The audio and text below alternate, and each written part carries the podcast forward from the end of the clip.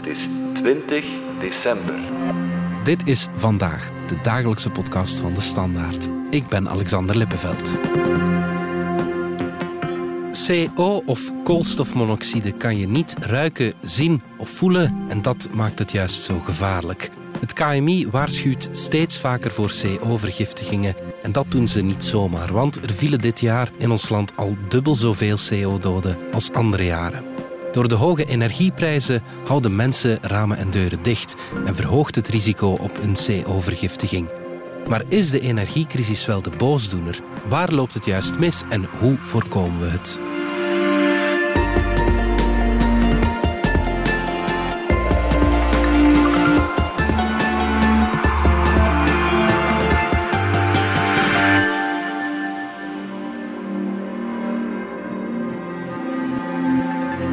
We luisteren naar Mark Moorhem, een vader uit Tiene die vijf jaar geleden zijn vierjarige dochter Lieselot verloor door een CO-vergiftiging. Sindsdien zet hij zich in om mensen te sensibiliseren over CO-vergiftigingen. Een jaar nadat Lieselot overleden was, hebben we de VZ2 Lieselot Moorhem opgericht. Wat dat wij doen is mensen sensibiliseren om rookmelders te plaatsen, om CO-melders te plaatsen, om na te denken over hun veiligheid in verband met CO. Die rookmelders plaatst hij zelf ook bij de mensen thuis. En we verzamelen dan ook giften, dus geld. En met dat geld kopen we dus rookmelders aan. En die ga ik dan eh, met de mensen thuis plaatsen via de richtlijnen die ik gekregen heb van de brandweer. We spraken ook met Dominique van Dijk, algemeen directeur van het Antigifcentrum. En dit jaar verloren al 60 Belgen het leven door een CO-vergiftiging. Dat is erg veel. Het is zelfs een verdubbeling ten opzichte van de vorige jaren de hoge energieprijzen, de stijgende energiefactuur, maakt dat uh, heel wat mensen op zoek gaan naar andere alternatieve bronnen om zich te verwarmen. Dat zijn vaak ook goedkopere bronnen, waarbij dat men vaak ook voor onveilige alternatieven gaat kiezen, zoals bijzetvuurtjes op basis van gas, op basis van benzine, petroleum en dergelijke. Of dat men ook ja, vuurkorven, vuurmanden, tot zelfs barbecue gaat binnenzetten om een ruimte te verwarmen. En dat houdt uiteraard uh, enorme risico's in voor CO-intoxicatie. Bij een CO-vergiftiging denken we vaak aan slecht verluchte ruimtes een ruimte goed verluchten zorgt voor aanvoer van frisse lucht, dus ook van zuurstof. En zorgt ook voor de afvoer van eventuele verbrandingsgassen. En dat is eigenlijk het belangrijkste risico ook bij een CO-vergiftiging. Dat wanneer u andere alternatieve verwarmingsbronnen gaat gebruiken, die geen afvoerkanaal hebben, dus geen schoorsteen of dergelijke, dan worden de verbrandingsgassen niet afgevoerd naar de buitenlucht. En dan gaan die zich opstapelen in de ruimte waar dat mensen zich in bevinden. Wat maakt dat de mensen die verbrandingsgassen ook gaan inademen. En CO is een kleurloos gas, een kleurloos gas, een smaakloos gas. En dat maakt dat mensen bevangen raken en als die concentratie te hoog is met ernstige gevolgen. Wanneer een brandstof brandt, komt er CO vrij.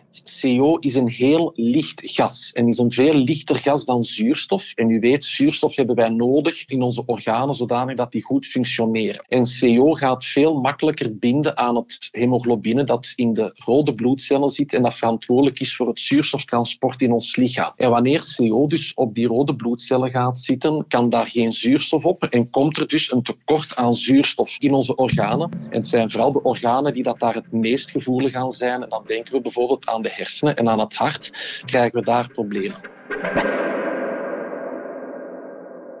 Een beginnende CO-intoxicatie is niet makkelijk te herkennen. De symptomen doen ook denken aan een griepje. Dat zijn hoofdpijn, duizeligheid, vaak van misselijkheid, vermoeidheid. Dat zijn typische symptomen, soms wat kortademigheid. Gaat het echt over een acute vergiftiging of bij een hoge concentratie, dan kan er zelfs verminderd bewustzijn aan te pas komen, dat mensen zelfs comateus worden, dat kortademigheid zelfs kan eh, resulteren in een ademhalingsstilstand, finaal tot overlijden. Maar er bestaat een trucje om snel te weten te komen of het over een griepje of over een CO-vergiftiging gaat. Als u die symptomen ervaart, en vaak, want dit zijn wat atypische klachten. Hè. Het zijn klachten van algemene malaise die ook wel bij een aantal andere ziektebeelden passen. Maar heel typisch is voor een milde CO-vergiftiging als u dergelijke klachten krijgt en die gaan bijvoorbeeld over wanneer u zich naar een andere ruimte bevindt uh, of begeeft of naar buiten toe begeeft en die treden terug op als u in de woonkamer of in de badkamer komt, dan moet je toch ja, heel erg denken in de richting van een CO-vergiftiging. En dan is het best van een expert dat te laten vaststellen. En verder geven wij toch ook aan altijd van hoe het beste voorkomen. Um, is het jaarlijks onderhoud van een verwarmingsketel en best door een erkend installateur is een hele belangrijke. Zo ook het laten vegen van de schoorsteen is een hele belangrijke. En uiteraard altijd het huis goed en voldoende uh, gaan ventileren. Dus voorzien dat er regelmatig ja, frisse buitenlucht uh, in, in de ruimte komt. Armere mensen zijn vaker het slachtoffer van een CO-vergiftiging. We zeggen vaak, CO maakt geen onderscheid tussen mensen, tussen mannen, tussen vrouwen, tussen rijk en arm. Maar het is wel zo dat we vaak zien dat mensen met een ja, wat lagere socio-economische status meer of vaker het slachtoffer zijn CO-vergiftiging, dan heeft dat te maken door ja, de kwaliteit van de huisvesting vaak. Vaak ook een, een probleem van huisjesmelkerij, waarbij dat huiseigenaars verwarmingsketels ja, niet gaan laten onderhouden of wanneer er echt een defect is, dat gaan vervangen door ja, minder kwaliteitsvolle of tweedehands ketels en dergelijke. En dat houdt uiteraard een risico in. Als u kijkt echt van zijn er bepaalde groepen van mensen die gevoeliger zijn, dan is het zo dat doorgaans kinderen wel iets gevoeliger zijn aan CO-vergiftiging. Dat heeft te maken met de enorme ontwikkeling ook van een kind en dat een kind vaak ook meer zuurstof nodig heeft dan een volwassene. En dan bepaalde groepen van mensen met onderliggende aandoeningen. En dan denken we bijvoorbeeld aan mensen echt met ja, chronische ademhalingsklachten, zoals astma en dergelijke, of mensen met echt wat hartfalen en dergelijke hebben daar last van. En een andere groep zijn ook soms wel zwangere vrouwen, die ook een stuk door de zwangerschap een hoger metabolisme hebben en daardoor ook iets meer zuurstof gaan verbruiken dan andere uh, mensen. We spraken daarnet over slecht verluchte ruimtes die verwarmd worden, maar CO-vergiftigingen kunnen ook op andere manieren opgelopen worden. We luisteren opnieuw naar Mark Moorhem, de vader die VZW Lieselot oprichtte. Hij verloor zijn dochter aan een CO-vergiftiging nadat vogels een nest hadden gebouwd in zijn schoorsteen. Woensdag 28 maart 2018, morgens tegen half acht, ging ik ja, zoals alle dagen Lieselot wakker maken. En toen dat ik de deur van haar kamer opendeed, uh, zag ik ze in haar bedje liggen met haar armen boven haar hoofd. Natuurlijk wist ik niet wat er gebeurd was. Ik heb haar gewoon opgenomen, beneden nog een dekentje rond haar gedaan, ondanks dat ik eigenlijk ja, 100% bijna zeker was dat ze overleden was. Deken rond haar gedaan, de auto in, naar het ziekenhuis gereden. Daar zijn de mensen van spoed aangekomen. De spoedarts zelf, Lieslot, uit mijn armen gepakt. Die hebben ongeveer een uur uh, reanimatie gedaan. En dan hebben ze gezegd van ja oké, okay, is overleden. Ja, dat was dan natuurlijk uh, een serieuze kloppen. En als ik dan tegen één uur of zo pas thuis kwam, hier stond voor de deur 13 voertuigen, want ik heb ze geteld. brandweer, politie, parket CSI-team voor onderzoek te doen in witte pakken. Op het moment blijkbaar als de brandweer binnengegaan was, die hadden dus pakken aan, was er alarm afgegaan van CO. Uit het onderzoek bleek dat een grote hoeveelheid koolstofmonoxide in de kamer van het meisje aanwezig was. Toen ze dat zeiden, zei ik zo van oeh, CO, CO. Ja, uh, heel waarschijnlijk is uw dochter overleden aan CO-vergiftiging. Op dat moment had Mark nog geen idee hoe die CO in de kamer van zijn dochter is geraakt. De politie sloot zijn huis langer dan een week af om een onderzoek te voeren. Ik mocht er zelfs niet binnen voor kleren voor, voor de kerkdienst. En in de loop van die week is er... Uh, ja, dat was iemand dat werkte voor parket, een soort dakwerker, die met een grote kraan op het dak gegaan is. Die heeft dan een zware lode bol in de schouw laten vallen. Dan zijn ze langs de kelder gaan kijken en dan hebben ze daar een hele hoop takken uit de schouw gaan halen. En dan hebben ze dus uh, ja, verslag opgemaakt. En daar staat dat dan eigenlijk effectief in dat het is door een nest van kauwen. En als de rook dus niet omhoog kan, bouwt daar een druk zich op in de schouw. En dat komt dan door die minieme gaatjes naar buiten. En dat heeft zich opgestapeld hier in de slaapkamer. Het zijn dus niet enkel verwarmingstoestellen, maar ook schouwen die een risico vormen voor CO-vergiftiging. Mark onderhield de schoorsteen zoals dat wettelijk verplicht is. CO-vergiftiging kan op verschillende manieren. Hier is het gekomen door een nest van kauwen in de schouw. De schouw was hier of vijf weken ervoor of zes weken ervoor, eh, heel recent, uh, ervoor gekuist en dat wordt jaarlijks gedaan. Dus daar heb ik ook een papier van naar het parket moeten brengen van, uh, ja, dat dat effectief gebeurd was. Dat is eigenlijk voor, voor politie en parket om dan de schuld uh, te gaan toewijzen of, of te gaan ontnemen. Hè. Verslagen door het incident schreef Mark een brief naar enkele toenmalige ministers om meer aandacht te vragen voor de problematiek. Daar stonden grote lijnen in van, van mensen te informeren, mensen te sensibiliseren. Dat is eigenlijk hetgeen dat ik nu zo'n beetje probeer te doen met de, met de VZW. Ik heb daar buiten eh, een mailtje van, niet eens van de minister zelf, maar van eh, de ene of de andere kabinetsmedewerker. Zo ja, heel kort van uh, enige deelneming. heel veel is er niet mee gebeurd. Ik heb hier politiek aangeschreven, alle partijen zelfs hier in Tene. Ja, idem, uh, buiten zo'n beetje van oké, enige deelneming en we zijn daarmee bezig of zoiets. Ergens is er een wetgeving, maar als ik ga rookmelders plaatsen vanuit de VZW, merk ik dus wel dat, en uh, dat is dus meestal uh, in huurwoningen. Dus eigenlijk moet dan de huurbaas alles in orde stellen, dat er dus niks in orde is. Hè. Volgens de wet is het verplicht om in elke huurwoning één rookmelder per verdieping te hebben. Maar tot 2020 was dat niet verplicht voor een woning waarin de eigenaar zelf woont. Om die reden had Mark dus ook geen rookmelder hangen in zijn woning. Hier hingen er toen ook geen. Hè. Um, dus ik zei er straks van uit die spleetjes komt dan, is er dus allemaal rook gekomen. En daar in de hoek zie je het nog een beetje. Dat dat hier nog, hey, dat hier dat, dat, ja, dat een beetje zwart is zou zitten. Dan. Dat dat vuil is ten opzichte van die, die plint. En dat is van de rook. Dus hier, hè, precies spinnenwebben waren dat, maar zwart. En dat was de rook die aan elkaar eraan hangen was. En dat ding hier helemaal vol. Het is niet verplicht, maar het wordt wel aangeraden om meer rookmelders te plaatsen dan één per verdiep. Als je hier zou rondgaan, allee, daar hangt er een. Uh, hier in iedere kamer in deze, in deze huis hangt er, in de, in de gang hangen er. Uh, ik denk dat er hier 12 of 13 hangen er in deze huis.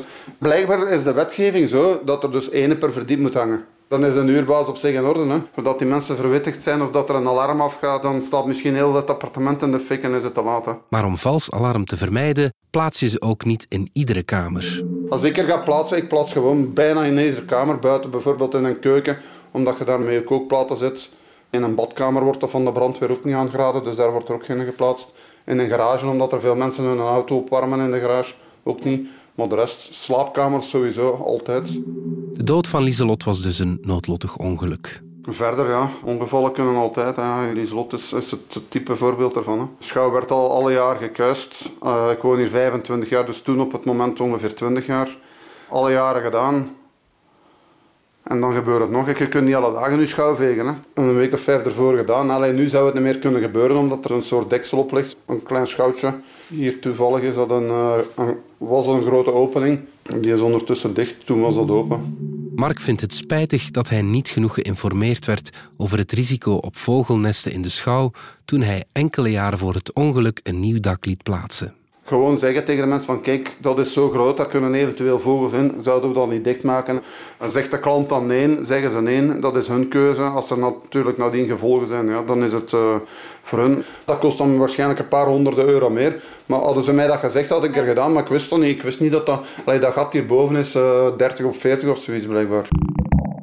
We gaan er even tussenuit voor reclame. Wat vind jij nu zo fijn aan bouwen met Lego-stenen? Ja, hoe moet ik dat uitleggen? Het is echt ongelooflijk. Als je met Lego-stenen bezig bent, dan verliest je echt alle besef van tijd. En dan is het klaar en dan heb je altijd iets moois om naar te kijken en waar je fier op bent. Dat jij dat gemaakt hebt. 73% van alle volwassenen is op zoek naar nieuwe manieren om even los te breken uit de dagelijkse hectiek. Zoek snel naar Lego-sets voor volwassenen en maak tijd voor jezelf. Daarnet vertelde Mark over hoe koolstofmonoxide zijn weg naar de kamer van Lieselot vond via minuscule gaatjes in de muur. We hebben bij Dominique van Dijk van het Antigifcentrum gecheckt en kleine gaatjes die komen vaker voor in muren alles kan gebeuren. Hè. Denk hier is vooral belangrijk, uh, of wat dat de oorzaak is, is een ja, minder goed gereinigde schoorsteen of het echt verstopt zitten van de schoorsteen door een, een nest, um, waardoor dat die, ja, die verbrandingsgassen onvoldoende naar buiten toe kunnen. En die zoeken altijd uh, hun uitweg en dan komen die terug vrij uh, in de omgeving, in de woonruimte. ze stapelen op en met het risico van een, een ernstige CO-vergiftiging. Aan gaatjes in de muur kan je niets doen, maar je kan wel iets doen tegen vogelnesten. De ingang of de toegang tot een schouw, uh, dat die afgesloten wordt door een soort stalen net, waardoor dat uh, vogels niet in de schouw kunnen.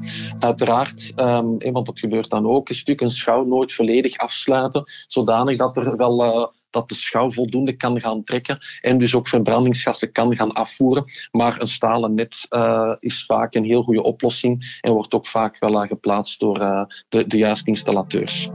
Nu, sowieso is denk ik uh, de belangrijkste oorzaak van die slecht onderhouden verwarmingsketels en vooral van de bijzetvuurtjes die wat onoordeelkundig gebruikt worden, wat maakt dat ja, de hoeveelheid um, uh, verbrandingsgassen die vrijkomen in een ruimte uiteraard vele malen groter gaat zijn dan uh, in, in het andere geval dan dat dat door kleine gaatjes in muren en dergelijke gaat komen. Dat kan uiteraard, maar het is vooral ja, als u zo een, een bijzetvuurtje of u gaat een barbecue binnenzetten, um, dat kan u niet vergelijken. Dat zijn enorme hoeveelheden uh, ja, aan CO, dus um, verbrandingsgassen die vrijkomen en die stapelen zich heel snel, of die kunnen zich althans heel snel opstapelen um, in een afgesloten ruimte.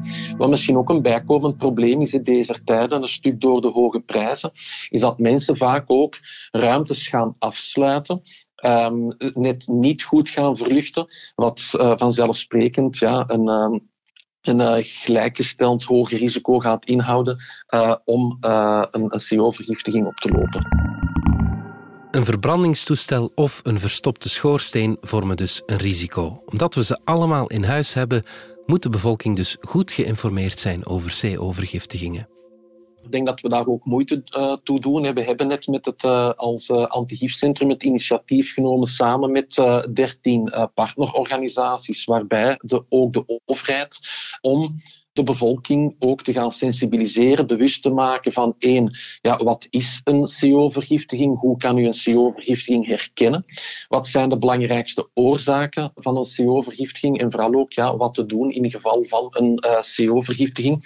Maar, hè, en dat, dat leert toch ook uh, de ervaring ons, het is zoals met veel zaken, denk ik heel erg belangrijk en opportun om die boodschap voldoende frequent ook te gaan verspreiden en, uh, en te herhalen. Blijf nog even hangen, want ik heb een bijzondere luistertip.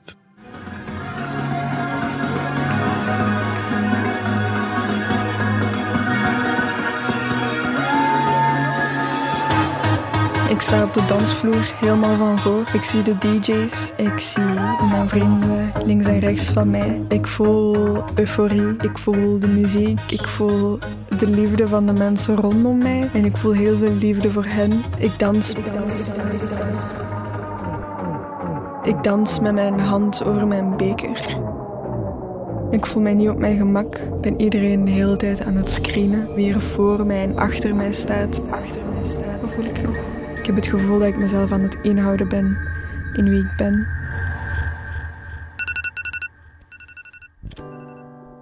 Het is the day after en ik wil even terugblikken op mijn ervaring van afgelopen nacht. In de volgende afleveringen van Klaar Wakker zoekt Cubra een antwoord op de vraag hoe kan het nachtleven veiliger zonder de losbandigheid te verliezen? Te beluisteren in de app DS Podcast of je favoriete podcastplatform. Surf voor meer info naar www.standaard.be-klaarwakker.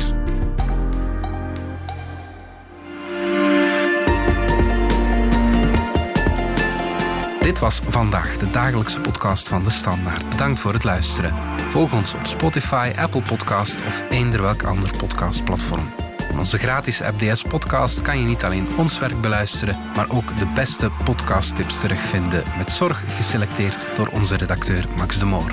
Alle credits van de podcast die je net hoorde vind je op standaard.be-podcast. Reageren kan via podcast.standaard.be. Morgen zijn we opnieuw.